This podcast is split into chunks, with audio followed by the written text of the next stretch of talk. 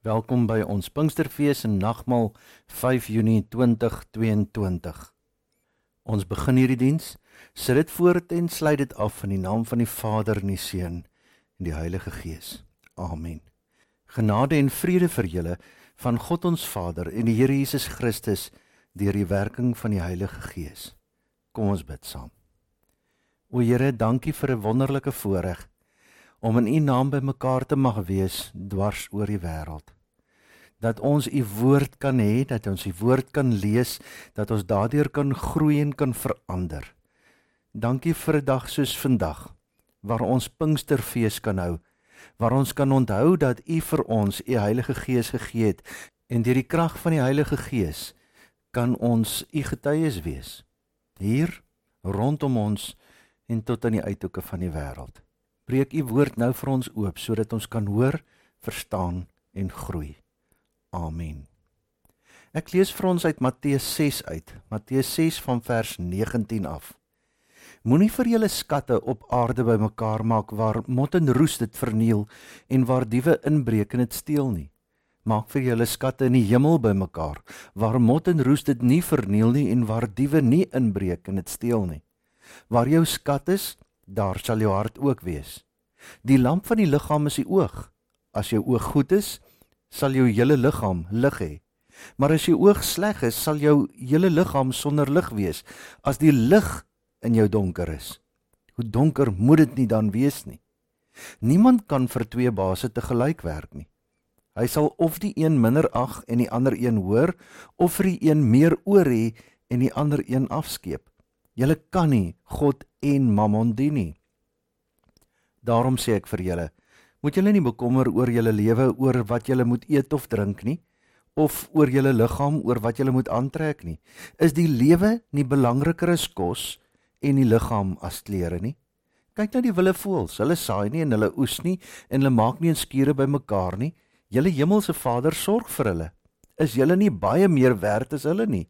Trouwens, wie van julle kan deur om te bekommer sy lewe met een enkele uur verleng? En wat bekommer julle julle oor klere? Let op hoe groei die veldlelies. Hulle soeg nie hulle maak nie klere nie. Maar ek sê vir julle, self Salomo in al sy pragt was nie geklee soos een van hulle nie. As God dan die gras van die veld wat vandag nog daar is en môre verbrand word, so versier, hoeveel te meer sal hy dan vir julle sorg, nie julle klein gelowiges? Julle moet julle dus nie bekommer en vra wat moet ons eet of wat moet ons drink of wat moet ons aantrek nie. Dit is alles dinge waaroor die ongelowiges begaan is. Julle hemelse Vader weet tog dat julle dit alles nodig het. Nee, beywer julle allereers vir die koninkryk van God en vir die wil van God, dan sal hy julle ook al hierdie dinge gee. Moet julle dus nie oor môre bekommer nie, want môre bring sy eie bekommernis. Elke dag bring genoeg moeilikheid van sy eie tot sover. Die afgelope week het ons die Pinksterreeks gehou en ons het gekyk na geloof, gebed, gehoorsaamheid, getuienis en vanoggend kyk ons na om gestuur te word. Gestuur deur die Heilige Gees, maar vir wat? Om dit kort op te som, laat u koninkryk kom. Ons word gestuur om vir die wêreld te wys hoe God se koninkryk lyk. In 'n donker en de mekaar wêreld het mense hoop nodig. Mense is vasgevang in 'n wêreld wat rondom hulle in mekaar tuimel. Verhoudings verbrokkel, drome val in mekaar, die ekonomie verswak, mense het fisiese en geestelike verlossing nodig. Ons word gestuur om vir die wêreld te wys hoe God se koninkryk lyk. Maar dan moet ons wat gestuur word, eers verstaan waaroor die koninkryk van God gaan. Wat is die prioriteite van God se koninkryk? God, die koning van die heelal, van die kerk, kyk met deernis na mense. Hy het die nood van mense raak gesien en daaraan iets gedoen. Ons lees in die Bybel hoe God dwars deur die geskiedenis mense se hulp probeer en mense se swaar kry sien en dan kom God en gee uitkoms. Hy reik uit en raak aan mense wat hooploos is. Mense soek, mense worstel en mense bekommer hulle oor alles. Elke poging word vir mense 'n worstelstryd. En dit gebeur omdat mense so goed sweet en werk en worstel om 'n aardse koninkryk op te bou. Ons bou sandkastele en ons gee ons alles daarvoor, maar elke keer kom die golwe van die lewe en spoel alles weg. Ons wil in beheer wees. Ons wil eintlik God wees. En daarmee staan ons eintlik teenoor God se koninkryk. Vers 19: Moenie vir julle skatte op die aarde bymekaar maak waar mot en roes dit verniel en waar diewe inbreek en dit steel nie. Maak vir julle skatte in die hemel bymekaar waar mot en roes dit nie verniel nie en waar diewe nie inbreek en dit steel nie. Waar jou skat is, daar sal jou hart ook wees. Jou hele lewe kan 'n worselstryd wees van opbou en weer opbou wat die wêreld net weer soos golwe keer op keer kom afbreek. Want jy bou aan die verkeerde koninkryk. Jy bou sandkastele en dit het geen waarde nie. Jy's kind van God, vrygekoop en tog bly dit wat deur mot en roes verniel word vir jou die belangrikste? Hoe lagwekkend is ons geswoeg vir niks dan eintlik? Waar jou skat is, daar sal jou hart ook wees. Is dit nie hartverskeurende dat die tydelike mot en roes dinge vir ons ons alles word nie? En daarom val ons lewens uitmekaar uit wanneer hierdie sandkastele keer op keer in mekaar tuimel. Vers 22. Die lamp van die liggaam is die oog. As jou oog goed is, sal jou hele liggaam lig hê. Maar as jou oog sleg is, sal jou hele liggaam sonder lig wees. As die lig in jou donker is, hoe donker moet dit dan nie wees nie? Niemand kan vir twee baase te gelyk werk nie. Hy sal of die een minder ag en die ander een hoor of vir die een meer oor hê en die ander een afskeep. Jy kan nie God en Mammon dien nie. sien God is lig. Maar as jou lewe jou eie koninkryk is, dan laat jy nie God se lig in jou lewe toe nie dan is jy jou eie lig en in tye wat dit goed gaan is dit oukei okay, want dan skitter jou mot en roes goed mos. Maar as jou sandkasteel wegspoel is jou lig weg. As die lig in jou donker is hoe donker moet dit dan nie wees nie? Sien jy kan nie vir twee baase werk nie. Niemand kan vir twee baase te gelyk werk nie. Hy sal of die een minder ag en die ander een hoor of vir die een meer oor en die ander een afskeep. Jy kan nie god en mammon dien nie of jou koninkryk of God se koninkryk. Maar ons gebruik soveel verskonings waarom ons self in beheer is, want ons moet mos sorg. As ek nie sorg nie, gaan niemand vir my sorg nie. En natuurlik is daar niks fout daarmee nie, behalwe as jy nie meer vir God vertrou nie. Behalwe as jy eerder jou sandkastele bou want jou vertroue daarin is groter as in God. Behalwe as geld jou God word. En op hierdie manier word ons rond hardlopende masjiene wat die belangrike dinge in die lewe mis. Dit wat ons het of bereik het word vir ons belangriker as ons verhoudings. Van vers 25 af. Daarom sê ek vir julle, moet julle nie bekommer oor jou lewe, oor wat julle moet eet of drink nie, of oor julle liggaam, oor wat julle moet aantrek nie. Is die lewe nie belangriker as kos en die liggaam as klere nie? Kyk na die wilde voëls, hulle saai nie en hulle oes nie en hulle maak nie 'n skure bymekaar nie. Julle hemelse Vader sorg vir hulle. Is julle nie baie meer werd as hulle nie? Trouwens, wie van julle kan deur om te bekommer sy lewe met een enkele uur verleng? Wat help dit dat jy alles het, maar jy werk jouself siek? Wat help dit dat jy alles het, maar jy verloor jou mense? Daar sal altyd dinge wees wat jou tyd opvreet, maar sal jy altyd jou mense by jou hê? Wat help dit as jy al die rykdom en gemak van die wêreld het, maar jy het nie meer gesondheid of iemand met wie jy dit kan deel nie? Geld en goed gee nie geluk nie. Is die lewe nie belangriker as kos en die liggaam as klere nie? Vers 31. Julle moet julle dus nie bekommer en vra wat moet ons eet of wat moet ons drink of wat moet ons aantrek nie. Dit is alles dinge waaroor die ongelowiges begaan is. Julle hemelse Vader weet tog dat jy dit alles nodig het. Wanneer jy besef dat jy vasgevang geraak het in 'n redreis, dan besef jy dat daardie gerond hardlopery ook deur die see van die lewe weggespoel gaan word. Kan ons maar almal by die punt uitkom waar ons kan besef, julle hemelse Vader weet tog dat julle dit alles nodig het. Daarom beywer julle allereers vir die koninkryk van God en vir die wil van God, dan sal hy julle ook al hierdie dinge gee. God gee aan ons sy gees en stuur ons om vir die wêreld te wys hoe God se koninkryk lyk. Maar dan moet ons wat gestuur word eers verstaan waaroor die koninkryk van God gaan. Wat is die prioriteite van God se koninkryk?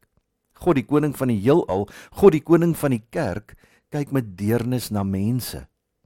Hy het die nood van mense raak gesien en daarin iets gedoen. Ons lees die hele Bybel deur hoe God dwars deur die geskiedenis mense se hulproep hoor en mense se swaar kry sien en dan kom God en hy gee uitkoms. Ons word gestuur om mense van die redreis te kom help bevry. Beywer julle allereers vir die koninkryk van God en vir die wil van God, dan sal hy julle ook al hierdie dinge gee. Jesus gee sy lewe vir sondaars op Golgotha.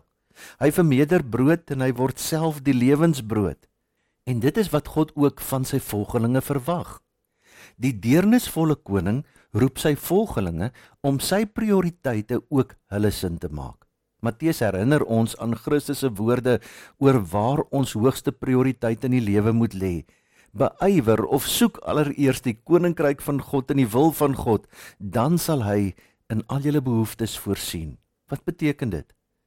Volgens die bergrede, dis nou Matteus 5 vers 1 tot 7, behoort die kerk, ons as Christene, ons wat die Heilige Gees in ons het, iets van God se karakter en ontferming en deernis te vertoon, juis omdat hierdie deernisvolle Christus in ons is en ons in hom. Hy het mense innig jammer gekry want hulle was so skape sonder 'n herder. Christus se ontferming kenmerk sy eie bediening en vorm deel van die kerk se ontferming. As ons oor die wil van God en die lewe binne sy koninkryk praat, dan sluit dit dade van omgee en ontferming in. Ja, omgee vir hulle wat nie kos het nie, omgee vir hulle wat eensaam is, omgee vir hulle wat sonder hoop in die wêreld is, vir swaarmoedig is, vir die wat die goddelike geneesheer nodig het. Ons as Christene se prioriteite in die lewe moet hierby aansluit. Ons moet vra, wat is die wil van God vir hierdie omgewing en hoe pas ek daarbey in en daarbey aan? So word die soeke na God se wil ook ons lewens uitkyk. Die lamp van die liggaam is die oog, leer Jesus ons. Op watter dinge is ons oog gerig? Dit het 'n effek op ons prioriteite in die lewe. Waar jou skat is, daar sal jou hart ook wees, sê Jesus. Wanneer ons by mense op betrokke raak, kry hulle hoop vir die toekoms. Wat is die prioriteite van God se koninkryk? Dis om afhanklik van God te lewe, ongeag of jy arm of ryk is. Dit is om saam met ander te treur. Hulle swaar kry word jou swaar kry, hulle nood word jou nood.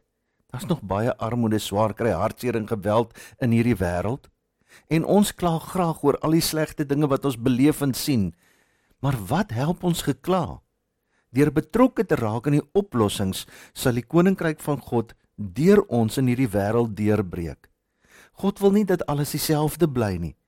Daarom het hy sy seun gestuur om alles te kom herskep, om alles te kom nuut maak.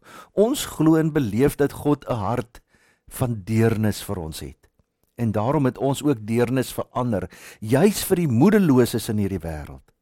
Dis om hoop te gee waar daar twyfel is. Dis om te bid dat God se lig in hierdie duisternis sal skyn. Dis is om ander hoër as myself te ag. Ja, om lief te hê ander bo myself en eerder te gee as te verwag. Ons kan so maklik afgestomp raak deur die nood en die elende om ons. Ons kan so maklik ons harte sluit. Kom ons bid vir geopende oë vir Christus se deernis en word sy hande, sy voete, sy ore en werk waar God reeds aan die werk is. Daarvoor het die Heilige Gees gekom. Hy laat ons met deernis fokus waarop die koninkryk van die kerk fokus. Mag ons prioriteite en die van die koninkryk van die kerk met mekaar ooreenkom. Daarin sal die Heilige Gees ons lei. Daarvoor is ons gestuur.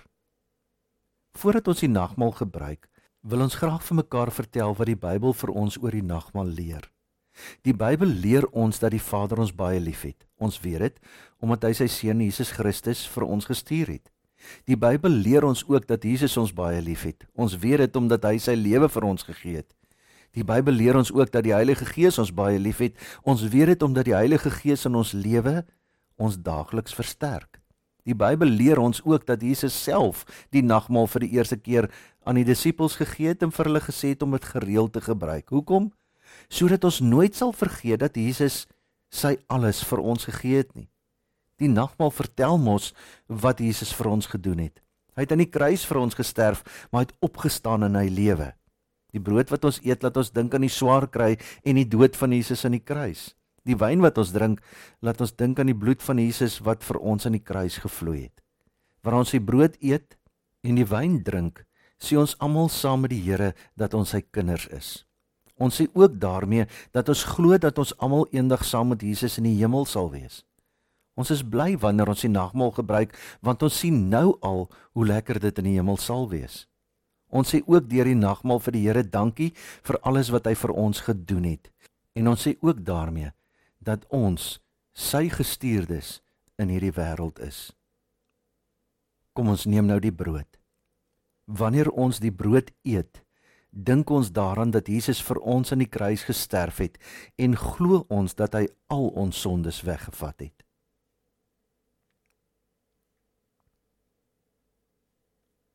Kom ons neem die wyn. Wanneer ons die wyn drink, dink ons daaraan dat Jesus se bloed vir ons aan die kruis gevloei het en glo ons dat hy al ons sondes weggevat het.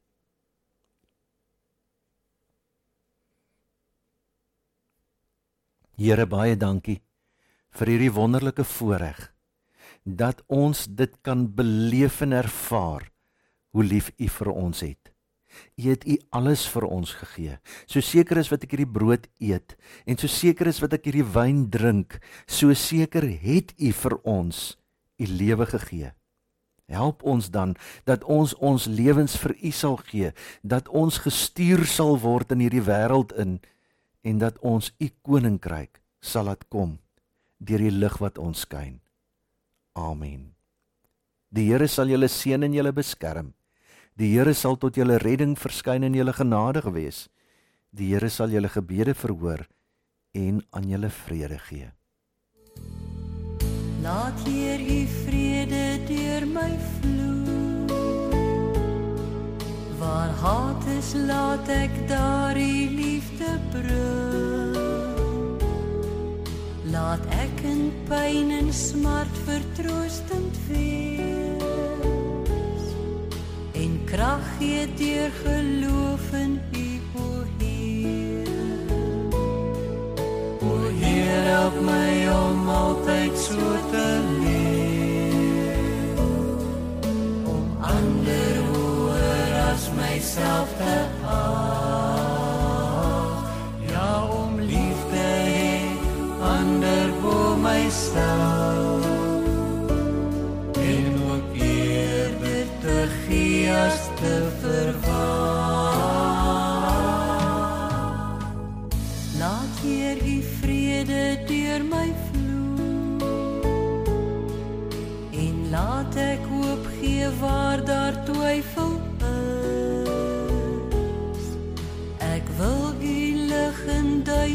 duisternis laat skyn. Laat ware vreugde altyd uit my straal. O Heer, help my om altyd so te leef. Om ander hoër as myself te